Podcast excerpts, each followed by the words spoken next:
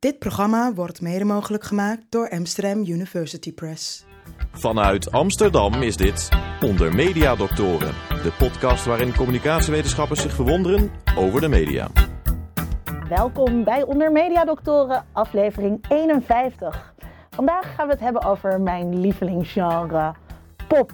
Als u ooit een blonde vrouw vrolijk lipzinkend door de stad ziet fietsen, dan ben ik dat.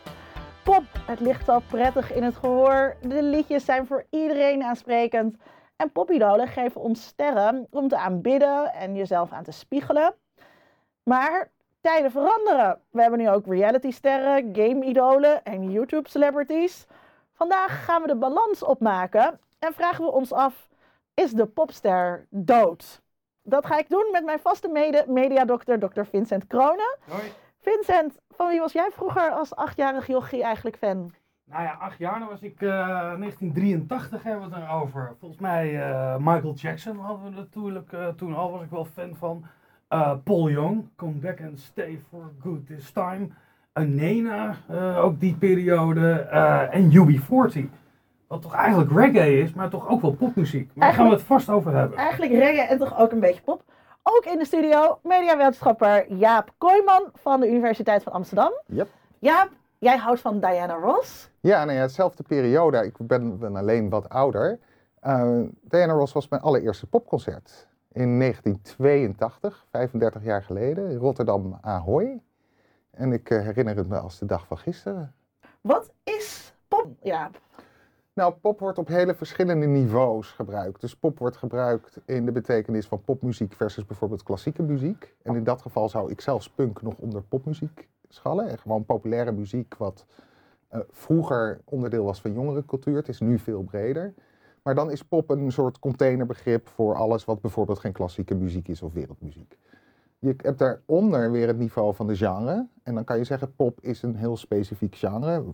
Naast rock. En dan meestal wordt pop en rock tegenover elkaar eh, gesteld met heel veel waardeoordelen. En De beroemde rock aesthetic in de popwetenschap zet pop neer als artificieel, commercieel, oppervlakkig, eh, dansgeoriënteerd. Versus nou ja, authenticiteit van rock.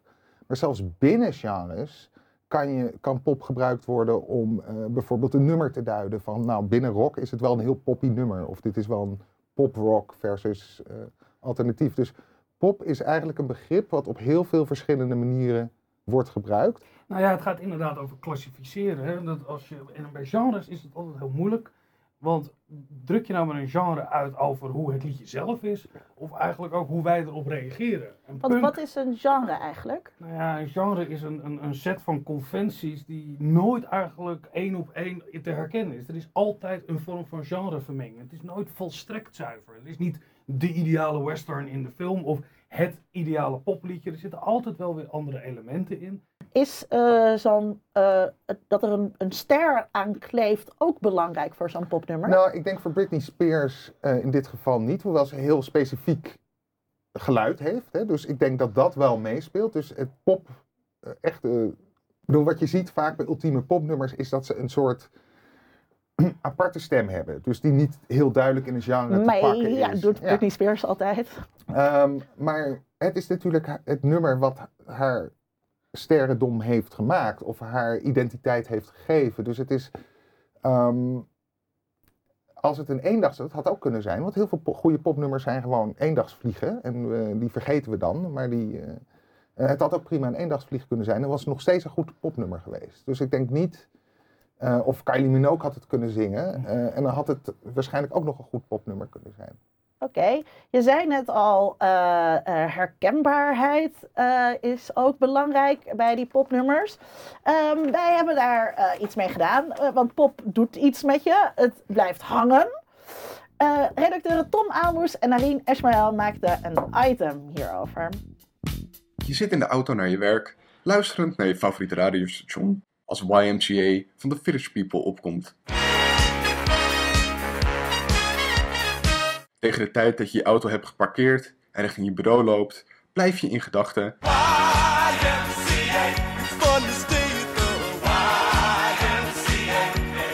zingen. Tijdens de lunchpauze neurde je nog steeds het melodietje en tegen de tijd dat de dag er bijna op zit, worden jij en je collega's praktisch hondsdol van het liedje. Maar het lijkt wel alsof je er met geen mogelijkheid uit krijgt. Verschrikkelijk. Maar waarom blijft het ene liedje hangen en het andere niet? De misdadigers worden oorwormen genoemd. En nee, in tegenstelling tot wat je verwacht, wordt hier niet gedoeld op parasieten met bijtende tangen die zich een weg door je oor wurmen. Het enige parasitaire aspect van deze oorwormen is dat ze zich vastklampen aan je gedachten doordat ze een soort cognitieve jeuk veroorzaken in je hersenen. Je hersenen geven hiermee aan dat ze een onafgemaakt taakje, in dit geval dus het liedje zingen, graag willen voltooien. Als ze naar een liedje luisteren, activeert dit een deel van de hersenen dat de gehoorschors, ook wel de auditieve cortex genoemd wordt. Onderzoekers van Dartmouth University tonen aan dat wanneer participanten een bekend liedje hoorden, hun auditieve cortex automatisch de rest van het liedje invulde. Met andere woorden, hun hersenen bleven lang nadat het daadwerkelijk liedje gestopt was zingen. Ander onderzoek van de Universiteit van Cincinnati stelt dat oorwormen een manier zijn waarop je hersenen actief blijven in een rusttoestand. Wat de reden ook is, knap lastig zijn ze in ieder geval wel. De enige manier om deze jeuk te verminderen lijkt door steeds maar weer het liedje in gedachten af te blijven spelen. Helaas werkt het hierbij net zoals bij een muggenbeet. Hoe meer je krabt, hoe meer het gaat jeuken. Zo ontstaat een oneindige vicieuze cirkel waar nog jij, nog je collega's blij van worden. Zo'n beetje iedereen heeft wel eens last gehad van een oorworm, maar is er verschil in wie er meer vatbaar voor is? Uit onderzoek van de Universiteit van Cincinnati blijkt dat vrouwen, muzikanten en neurotische, vermoeide of gestreste mensen een grotere kans hebben op oorwormen. Welke liedjes wel blijven hangen en welke niet is nog niet exact duidelijk. Al zal niemand het een probleem vinden dat een dergelijke formule nog niet op reclames en liedjes toegepast kan worden. Wel is duidelijk dat oorwormen drie dingen gemeen hebben. Ze hebben vaak een simpele, bekende muzikale structuur, worden veel herhaald en herbergen een verrassende of onverwachte wending die een hoek genoemd wordt. Wat je kan doen om hangende liedjes te voorkomen? Kauwgom kauwen.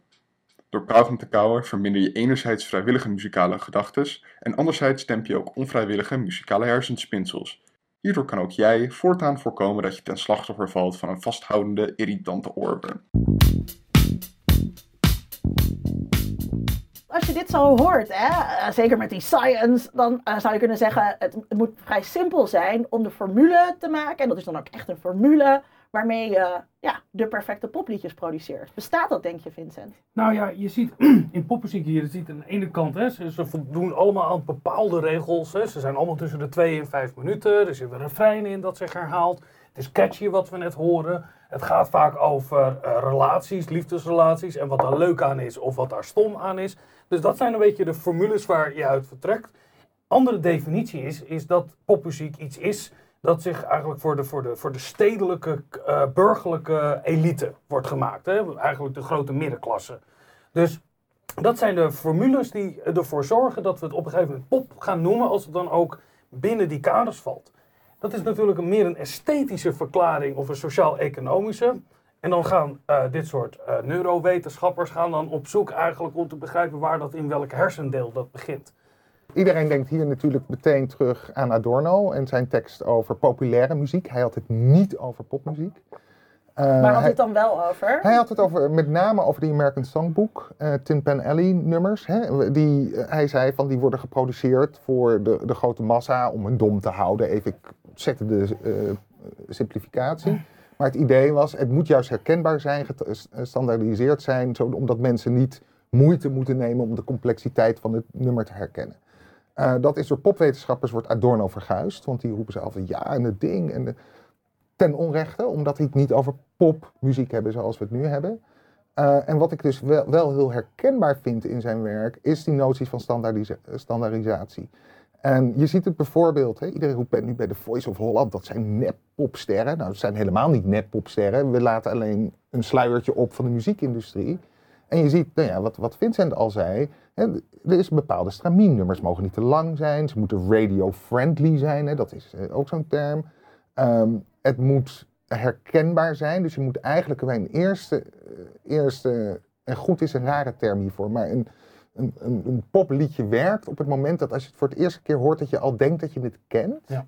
Maar niet dat je het al te vaak genoeg gehoord hebt. Dus het moet, het moet eigenlijk een combinatie van die twee hebben. Daar is geen succesformule voor, want anders waren alle nummers hits. En laten we uh, vooropstellen, de meeste zijn geen hits. Ik bedoel, uh, en ik weet, er zijn wetenschappers die willen nu Happy van Pharrell gaan analyseren. Waarom hè? Happy? Nou, er zullen ongetwijfeld een aantal kenmerken in zitten.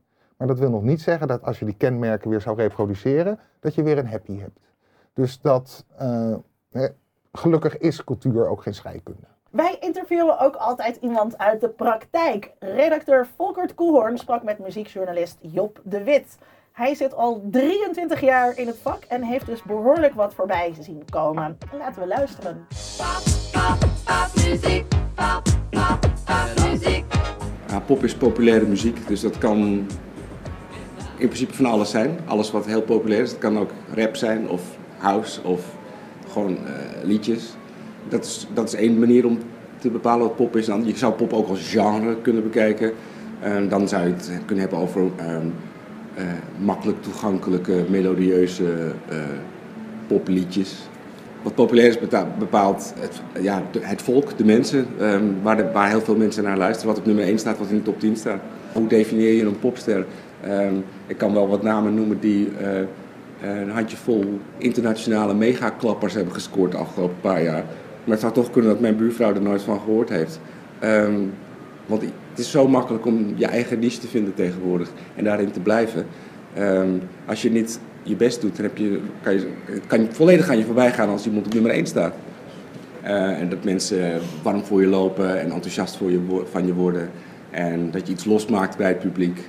Uh, dat zijn allemaal factoren die ook meespelen natuurlijk.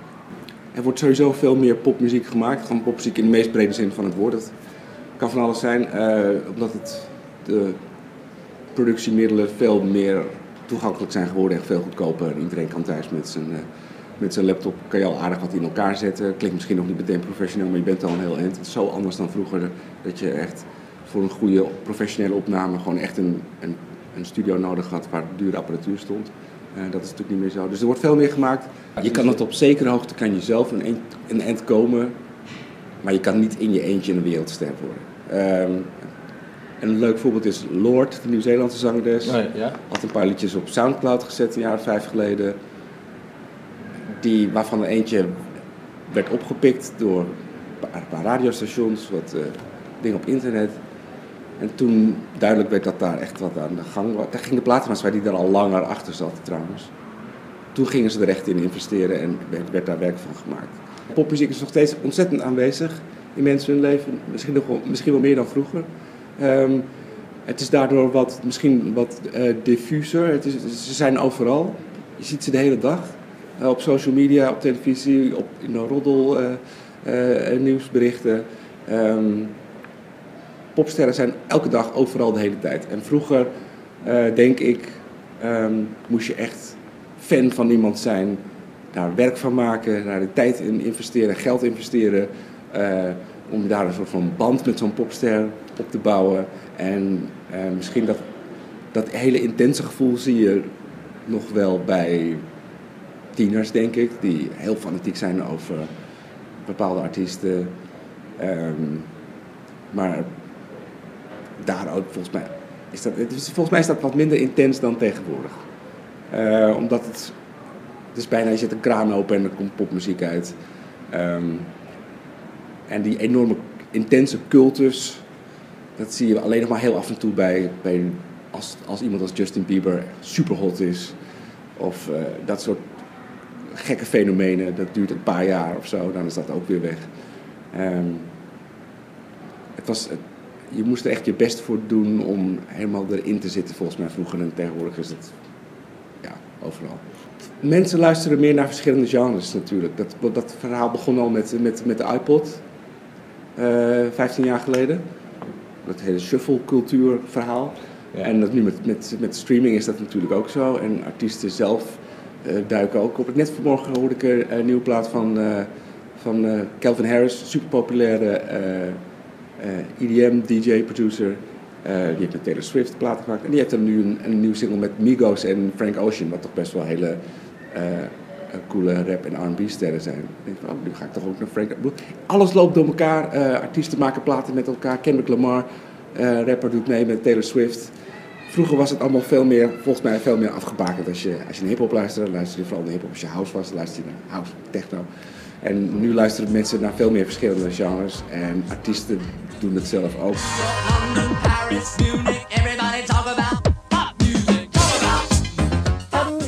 Een aantal eh, punten. Hij heeft het bijvoorbeeld over in je niche zitten. Eh, je kunt nu makkelijker alleen muziek luisteren eh, die je leuk vindt. Eh, en er wordt volgens hem meer popmuziek gemaakt dan vroeger. Ehm, die dingen roepen een beetje de vraag op: zijn er daardoor minder sterren? Nou ja, vooropgesteld, er zat een tegen, met alle respect hoor, en ik denk, ik herken heel veel punten dat hij zegt, maar er zit een tegenstrijdigheid in. Aan de ene kant zegt hij, iedereen luistert meer naar zijn eigen niche, en aan de andere kant zegt hij, er is juist veel meer kruisbestuiving en mensen kunnen van alles horen. En ik denk dat allebei waar is. Eh, kwantitatief vind ik het heel lastig, want dan zou je dat moeten weten, dat weet ik niet. Maar ehm, als je wil, eh, nu ben ik even vergeten wat de precieze vraag was. Of er nu ehm, Oh, meer of minder sterren minder, eh, sterren zijn Eh, Nou ja, dat die is er echt bovenuit steken. Nou ja, ik bedoel, nou ja, ja en nee. Ik bedoel, als jij nu alleen al kijkt en met het gevaar van, oh, vroeger was het allemaal anders, wat een beetje ook in dit interview zat. Maar als je nu kijkt waar je allemaal naartoe kan in Amsterdam alleen, in een jaar, dat is ver- onvergelijkbaar met, met 20 jaar geleden. Eh, dus het aanbod is echt veel groter geworden. Een gedeelte waarom er meer niche markets zijn, is aan dat het publiek veel groter is geworden. Hè, dus hè, waar we het net over hadden, eh, de mensen die opgroeiden in de jaren 50 en 60 zijn groei, meegegroeid met popmuziek. Nou, dus wat, wat Job ook zei, popmuziek komt tegenwoordig uit de kraan. Het is overal. het is overal en op veel verschillende minder plekken. Ik bedoel, een van de mogelijke redenen waarom de grotere sterren, denken we, in de 80 jaren waren, er waren minder kanalen. Dus iedereen keek meer naar hetzelfde. Aan de andere kant, ehm, een ster als Beyoncé. eh, een hij noemde Justin Bieber, maar ik zou zeggen, Beyoncé is ongetwijfeld nu een van de grootste popsterren die we hebben. Ehm, die, nou ja, je moet onder een steen leven, wil je niet weten wie Beyoncé is. Hè? Ik bedoel, en, en, en dat komt. ehm, en daar zijn mensen idolaat van. Er is, er is een eh, prachtige documentaire, Waiting for B, over Braziliaanse fans die twee maanden aan het kamperen zijn om vooraan te kunnen staan eh, bij eh, Beyoncé. Dus die, fans zijn er nog steeds. En er zijn er echt niet minder van dan vroeger. Ik ik zou niet weten hoe je het moet meten. Ehm, en het tweede is, is juist zo'n ster als Beyoncé. Wat, wat zijn de grote eh, belangrijke optredens? Zijn die Super Bowl performances. Waar gewoon toch nog een 100 miljoen mensen naar kijken. En Beyoncé is... Die ook nog helemaal nog steeds het spektakel hebben van de jaren tachtig. Ik zag Lady Gaga. Ja. eh, eh, dat, dat is echt eh, bijna religieus. Hè. We maakten een aflevering over populaire cultuur en religie. Nou, dat zie je bij zo'n Super Bowl e- echt terug. Eh, met nog steeds de pracht en de praal ook van, van. Ja, en, en, en hier dus de grote vraag van gaat ze een politieke boodschap doen, ja of nee? Nou, die zit er dan wel in of niet in, hoe je het interpreteert. Maar Beyoncé, die trouwens alleen toen een gastminuutje had in, eh, met Coldplay en eh, die andere. ehm, maar haar minuut van formation, ik bedoel, dat is een political statement die ook gehoord werd, omdat, ze niet, omdat het niet anders kon, want iedereen keek daarnaar. En dat heeft een, dus het is, daar zie je, en even los van hoe je daar naar kijkt, maar een bewijs dat de popster nog bestaat, is, is dat moment. Is de Super Bowl. Vincent, denk, Ja. je, denk je dat je überhaupt kunt vaststellen? Is dat, is dat te onderzoeken? Is dat kenbaar? Of er nu minder sterren zijn dan vroeger? Nou ja, ik zat te denken, ik had vroeger denk ik 20 cd's. En die 20 cd's die overlapten heel erg met de cd's van mijn vriendjes ook. En ik had de cassettebandjes van de kopieën van mijn broer. Dus ik denk als ik dat op een rijtje zou zetten eh, en ik zou het achter elkaar moeten luisteren, dan zou ik in anderhalve dag wel klaar zijn. Ik weet niet hoe jullie iTunes bibliotheek is of je Spotify wat je hebt, dan gaat het natuurlijk over weken muziek. Dus die, de toegankelijkheid daarvan en dat je daar misschien wel vaker dingen luistert, zijn gewoon meer titels, meer namen waar je misschien ook wel een, een, een, misschien niet altijd fan, maar die je ook mooi vindt. Ja, maar Ik had dat doen we vroeger toch helemaal meer. niet? Ik luister alleen naar mijn pop-playlist. En die eh, is wel- weliswaar eh, best groot. Eh, maar ik heb ook het idee dat mijn vrienden de hele tijd dezelfde playlist aanzetten op Nou, maar misschien is het wel dat de vergankelijkheid van de ster ook groter wordt, omdat er weer sneller iemand oppopt die je ook weer makkelijk kan hebben. Als je Nee, maar, nee, dat is echt, Denk je niet? Dat is echt onzin. Oh. Ehm, als jij nu gaat, met alle respect, ik geloof het andere verhaal wel. Ik denk dat je nu, zeker door, door Spotify, veel meer nummers toegankelijk hebt. Zwaar. Ik bedoel, ik ging vroeger naar de bibliotheek en, en haalde daar, huurde of leende platen en die nam ik op. Maar wij denken dat er vroeger veel minder sterren waren. Je moet eens een keer teruggaan naar de hitlijsten en moet je eens gaan kijken van hoeveel namen je herkent. In de jaren 60. Ja, natuurlijk, dan kom je de Beatles tegen, de Supremes, eh, de Rolling Stones. Maar je komt ook honderden namen tegen waar je denkt van wie zijn dat in godsnaam. Er waren vroeger ook al ontzettend veel artiesten. Dus het, het is bijna een, een, het idee dat er nu veel meer is dan vroeger. Dat is echt onzin. Er was vroeger ook al heel erg veel. Ik denk wel, ehm, en, en misschien kan iemand het tegendeel bewijzen door het allemaal een keer te gaan tellen. Maar dan denk ik van waar stop je met tellen? Maar het is, ehm, hier is, is, is echt onze herinnering die iets doet met, met ons beeld wat Ja, ik het vind het vroeger interessant was. vraag of, kijk, het was er in de jaren 60, 70, maar je had, het niet, je had niet altijd de toegang ertoe. Anders dan dat je moest wachten bij de radio dat er misschien het liedje Ja, voorbij kwam. ja. Dat, daar zit natuurlijk wel een verschil over of iemand dan ook een popster is voor jou en misschien niet voor een ander. Is de popster dood? Nee, hij leeft hartstikke. Hij leeft hartstikke. Of zij. Oké, oké. En hij leeft hartstikke. Vincent, is de popster dood? Nou ja, dat hangt van een heleboel dingen af over definities, maar het is absoluut niet dood natuurlijk. En eh, we hebben nog steeds de grote namen en het En zou een, een hele rare oude mannenopmerking zijn als, als hetzelfde zou zijn, er wordt geen goede muziek meer gemaakt. Dat hoort bij een bepaald soort denken van verzadigde oude mannen van middelbare leeftijd. Tuurlijk is de popster niet dood. Er zijn nog elke dag mensen die wakker worden met iemand in hun hoofd waar ze over dromen, waar ze alles van willen weten en waar ze naar de muziek van luisteren. En erger nog, dode popsterren leven ook. Ik bedoel, Elvis is alive, eh, David Bowie is alive, Prince is alive, Michael Jackson is alive, Whitney Houston is alive, Kurt Cobain is alive. Kurt Cobain is alive, Amy Winehouse is nog steeds alive. Ik bedoel, dat is juist het, in, hè, het interessante van sterrendom. Sterrendom gaat voorbij als de persoon al over, eh, gaat door, zelfs als de persoon er niet meer is. De popster is niet dood. Ze gaan zelfs nooit dood. Dit was aflevering 51 van Onder Media Doctoren. Dit is het moment waarop ik u vraag zich te abonneren op onze podcast als u dat nog niet heeft gedaan. Dat kan via iTunes of via Stitcher en we hebben ook een YouTube kanaal. Kijk voor meer informatie op ondermediadoktoren.nl. Aan deze uitzending werd gewerkt door Tom Aalmoes, Volkert Koelhoorn, Marien Eschmel, Pim Prins en Iris Verhulsdonk. Dank aan mijn mede-mediadokter Dr. Vincent Kronen. En natuurlijk hartelijk dank aan onze gast Dr. Jaap Kooijman.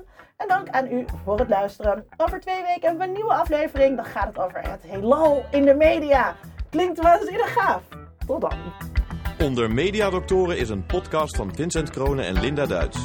Meer informatie vindt u op ondermediadoktoren.nl.